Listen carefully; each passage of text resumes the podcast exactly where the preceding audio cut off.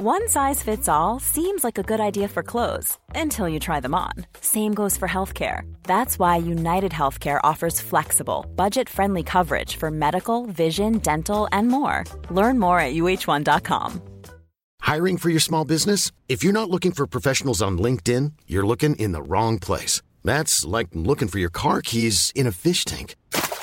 LinkedIn helps you hire professionals you can't find anywhere else, even those who aren't actively searching for a new job but might be open to the perfect role. In a given month, over 70% of LinkedIn users don't even visit other leading job sites. So start looking in the right place. With LinkedIn, you can hire professionals like a professional. Post your free job on linkedin.com slash people today. It's that time of the year. Your vacation is coming up. You can already hear the beach waves, feel the warm breeze, relax, and think about work. You really, really want it all to work out while you're away. Monday.com gives you and the team that peace of mind. When all work is on one platform and everyone's in sync, things just flow wherever you are. Tap the banner to go to Monday.com.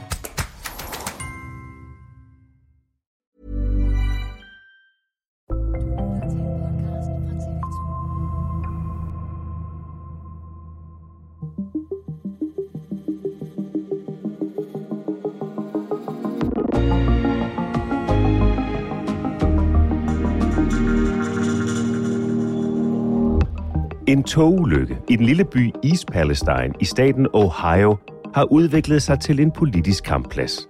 Toget forulykkede for to uger siden. Det var lastet med kraftfremkaldende kemikalier, og det brød i brand. Den tidligere præsident Donald Trump kritiserer den siddende Joe Biden og kalder myndighedernes håndtering for forræderi. This is really America right here. We're standing in America. Unfortunately, as you know, in too many cases, your goodness and perseverance who were met with indifference and betrayal in some cases. Men hvorfor involverer Trump sig så meget i en ulykke, der ikke har kostet nogen mennesker livet? Det er dato i dag. Jeg hedder Thomas Bug Andersen.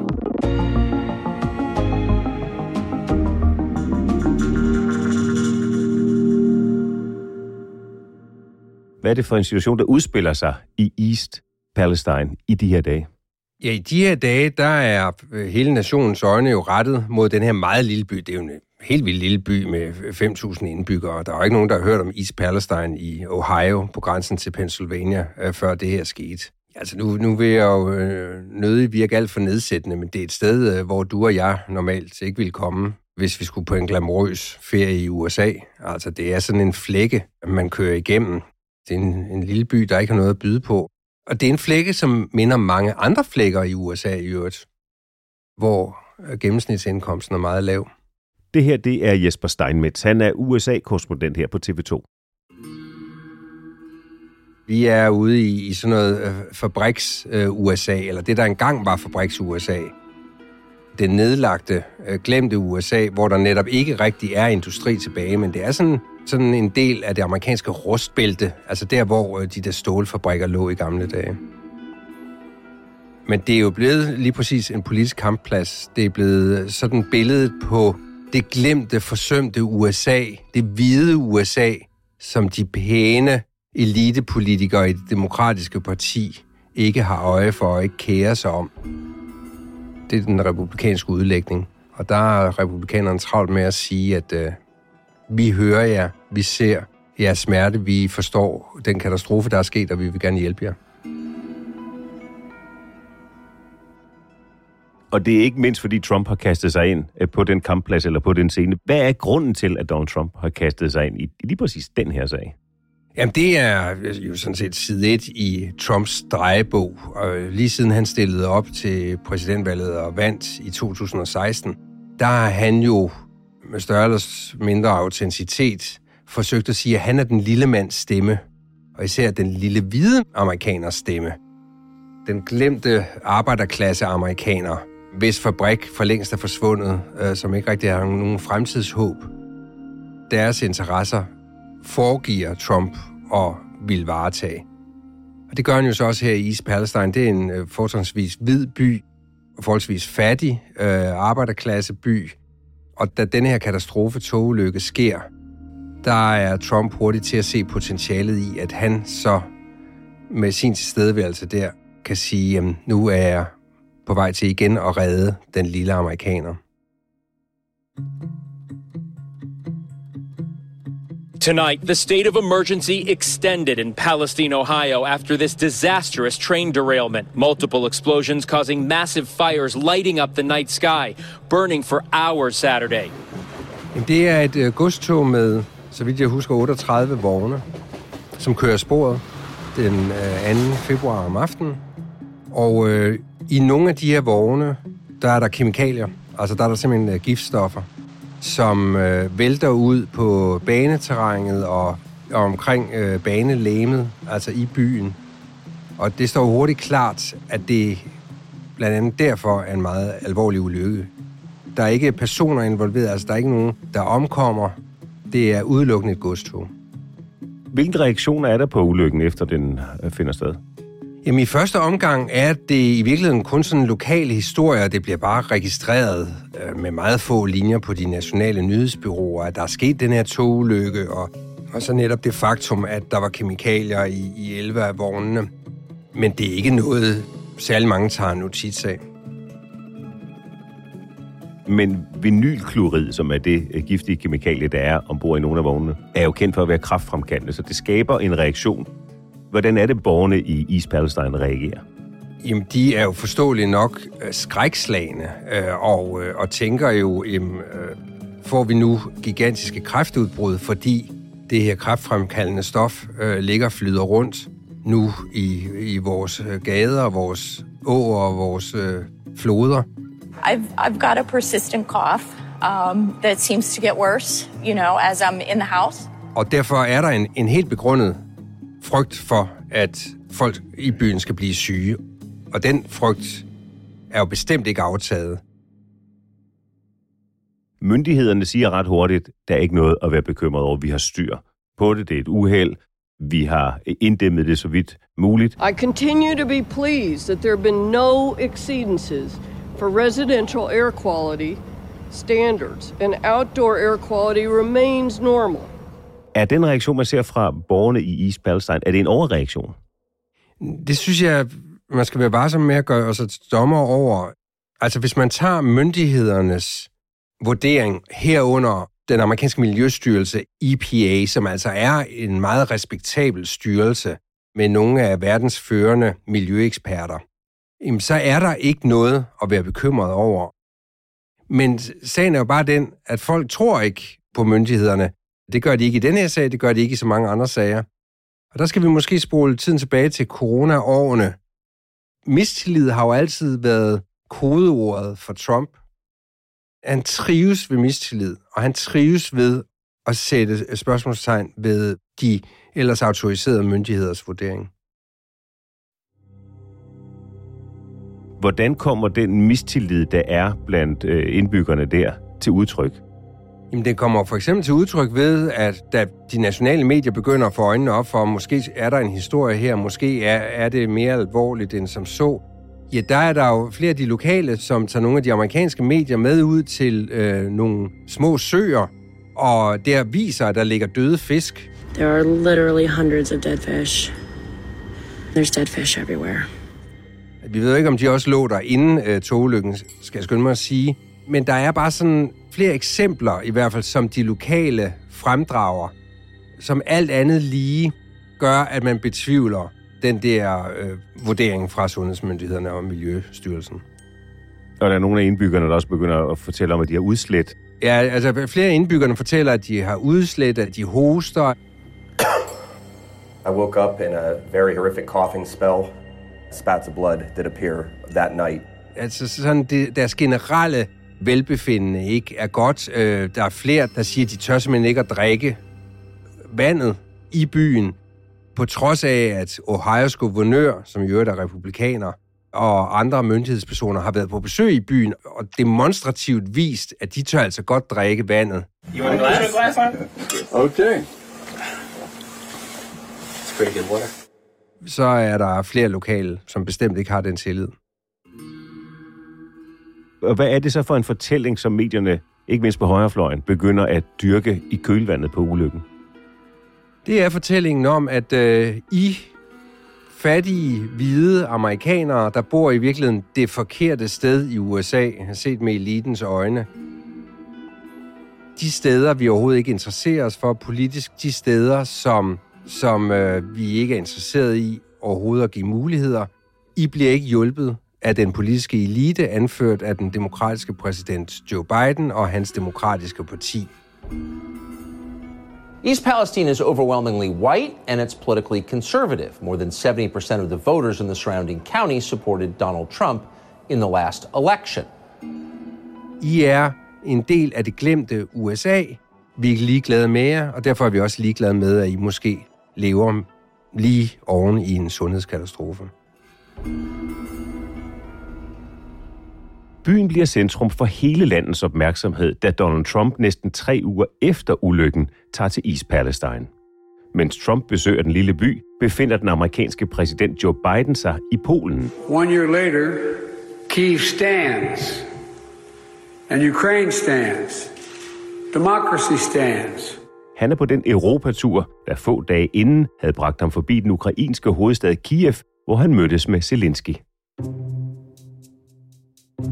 Hvad er det, der foregår der den 22. februar? Så ser man simpelthen den tidligere præsident Trump stå i et eller andet, altså på nærmest en falsk station i East Palestine. This is really America right here. We're standing in America. Unfortunately, as you know, in too many cases, your goodness and perseverance were met with indifference and betrayal in some cases. Og udleverer vandflasker, som sjovt nok har hans eget logo påmalet. Han hjælper, den lille mand, han hjælper lokalt, hvor Biden er i gang med globalt at forsøge at garantere freden. Modsætningen kunne sådan set ikke være tydeligere, fordi man øh, ser USA's præsident Joe Biden i Polen efter besøget i øh, Ukraine. Altså der er han i gang med på meget synlig vis at sikre verdensfreden på opfordring fra hele det vestlige verdenssamfund.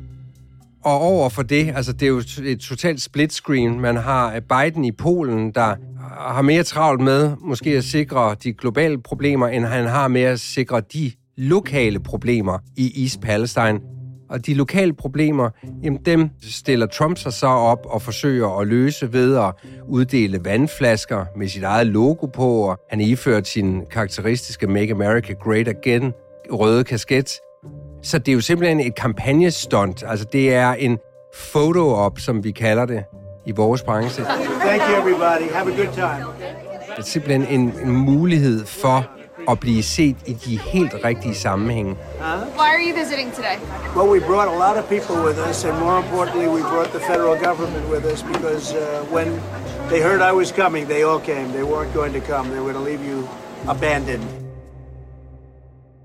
Og han kunne ikke have ønsket sig en bedre situation for sine kernevælgere. Nemlig den her, det her patriotiske billede af, at han øh, som Amerikas redningsmand nu går i gang med at redde de mennesker, der er ramt af en katastrofe, frem for at bruge sin tid på at redde klodens problemer og sikre verdensfreden. Han langer kraftigt ud efter Biden i det, han siger også. Hvad siger han mere præcist? Øh, Trump omtaler jo aldrig Biden som USA's præsident. Altså, han er jo så uforskammet, at han titulerer ikke Biden som præsident, fordi han jo ikke anerkender ham som præsident. Så han siger bare, at Biden har glemt jer. Øh, Biden har travlt med at løse problemerne i Ukraine. Biden bruger alle vores penge i Ukraine. Og så tilføjer han, jeg håber, at der er penge tilbage til at hjælpe jer her i East Palestine, når Biden kommer tilbage fra Ukraine. I sincerely hope that when your representatives and all of the politicians get here, including Biden, they get back from touring Ukraine, that he's got some money left over. Har Trump en pointe i sin kritik af Biden der? Altså, at Biden er mere global end nationalt øh, anlagt i sin tænkning? Det synes jeg faktisk ikke. Øh, jeg synes, øh, Biden på fin vis har balanceret i de første lidt over to år i, i det hvide hus øh, de, de nationale hensyn og de internationale hensyn. Der er jo ingen tvivl om, at Biden er drevet af at vise resten af verden, at efter de fire år med Trump, så er USA tilbage som global leder. Det gør han meget ud af at sige. Men samtidig så er, har Biden jo også travlt med indrigspolitisk at køre en meget, jeg vil næsten sige nationalistisk økonomisk politik, hvor han helt klart øh, foretrækker amerikansk arbejdskraft, han foretrækker amerikanske produkter, han stiller det som betingelse for, at man overhovedet kan udføre opgaver for det offentlige, at tingene, altså produkterne, stålet, cementen, hvad ved jeg, er produceret i USA af amerikansk arbejdskraft. Og det er altså en America First-politik, som nærmest fuldstændig en til en matcher den, som Trump stod for. Og hvad med kritikken af myndighedernes håndtering af togulykken i uh, East Palestine? Altså har Trump en pointe der, at man kan kritisere Biden for den måde, han har forholdt sig til den på? Hvis jeg tillader mig at være lidt, uh, lidt subjektiv, og det er jeg jo ellers ikke meget for, men så vil jeg så sige, rent personligt synes jeg, der, der er tale om proportionsforvrængning. Men jeg synes, der er, det, det er smart set af Trump, og det er et godt stunt, det er et godt politisk stunt i en valgkamp. Altså han er jo nu i konstant valgkamp frem til 2024. Så som kampagnebegivenhed er det smart at bruge East Palestine. Men altså, den katastrofe, der er sket i East Palestine, står ikke mål med, at vi er en verden i krig. Altså, det er en lille by, øh, som er blevet ramt af en togulykke. Der er ikke nogen mennesker, der er omkommet. Myndighederne siger altså og garanterer, at der er ikke sundhedsrisiko. Og heroverfor, der står man altså med et land, der er blevet øh, besat eller invaderet af Rusland, og det er i verdenssamfundets interesse at forhindre, at, Rusland vinder den krig. Så, så der er simpelthen ikke, der er jo ikke proportioner i at sammenligne de to ting. Hvordan forholder Biden sig så til den kritik fra Trump? Jamen, den, han har faktisk ikke øh, forholdt sig sådan en til en øh, til kritikken. Biden har gjort det, at, øh, og det synes jeg er meget smart. Han har sendt sin transportminister Pete Buttigieg til byen East Palestine. Der kan man så måske argumentere for, at det var lidt for sent. Det burde han have gjort, inden Trump kom på besøg. Og der er ingen tvivl om, at Trumps besøg har fået demokraterne og fået Biden-administrationen op i gear. Altså de, fordi de ser jo de samme farer for, at de, sådan som politisk fortælling, mister grebet om denne her sag, og at flere og flere amerikanere vil begynde at synes, at Biden svigter de amerikanske interesser og svigter den lille, hvide arbejderklasseby, som han i virkeligheden burde kæmpe for, og som han burde redde. Hvis man lige vender perspektivet 180 grader, så har demokraterne jo faktisk også været ude og forsøge at gøre Trump i hvert fald delvis ansvarlig eller skyldig for ulykken. Ja, altså demokraterne forsøger at skabe sådan en fortælling om, at øh, nogle af de miljø, skærpede miljøregler, der blev indført under Obama, som blev fjernet under Trump, de rent faktisk ville have forhindret den her togulykke. Det er ikke sikkert, at det er kendskærning, men altså kendskærning er i hvert fald, at der blev indført skærpede regler for især godstog, der havde sådan giftstoffer ombord. Der blev indført skærpede regler under Obama, og det var nogle af de regler, der blev fjernet under Trump. Og der forsøger demokraterne så at sige, ja, men se, I, uh, I slækkede på de her meget strenge miljøkrav, som vi som demokrater havde indført, og hvis I ikke havde gjort det, uh, så var den her ulykke aldrig sket. Det er ikke sikkert, at det er sagen, men det er en smart politisk fortælling. Nu taler vi om det her som om, at Biden og Trump står over for hinanden som de øh, to partiers øh, præsidentkandidater. Det er jo ikke givet endnu.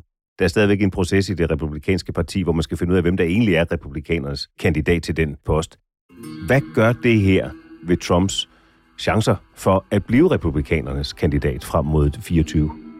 Jamen, det øh, øger kun hans chancer. Altså, han, han har faktisk igennem de seneste par måneder, efter han meddelte sit kandidatur, der har han haft det problem, at der ikke rigtig har været fokus på ham. Fordi det har været lidt ligegyldigt at høre, hvad han havde at sige, og han kunne ikke rigtig agere, fordi han havde ikke noget at byde på. Altså, nu har han fået foræret en scene og en, en ulykke og et, øhm, den perfekte kan man sige, beliggenhed. Altså Ohio og den her lille by er Trumpland. Det er 70 procent af vælgerne der stemt på Trump. Der var flere, der stemte på ham i 20 i, i 2016. Så det, det kunne ikke være bedre. Og han får jo simpelthen leveret en mulighed for at optræde på nationale medier. Og når han får leveret den mulighed, så er det som regel til hans fordel. Jeg synes, vi skal holde øje med, om Trump i virkeligheden om hans popularitet øges, for det kan meget vel være efter denne her øh, gas-togulykke, at det var lige præcis det, der skulle til for at give ham et boost i popularitetsmålingerne. Men altså, jeg synes hele tiden, vi skal have perspektivet. Det er først om et år, de begynder processen. Det er først om halvandet år sandsynligvis, de er nået frem til, hvem deres præsidentkandidat er i det republikanske parti. Og der kan bare nå at ske så meget. Jesper, det er en fornøjelse, at det er dig, der er i Washington, for os på TV2 og for seerne og for lytterne. Men det er også en fornøjelse, når du er her i studiet, så kom snart igen. Det lover jeg. Dagens episode er tilrettelagt af Emil Laversen, Lyddesign Pauli Galskov, redaktør Astrid Louise Jensen. Jeg hedder Thomas Bug Andersen. På genhør.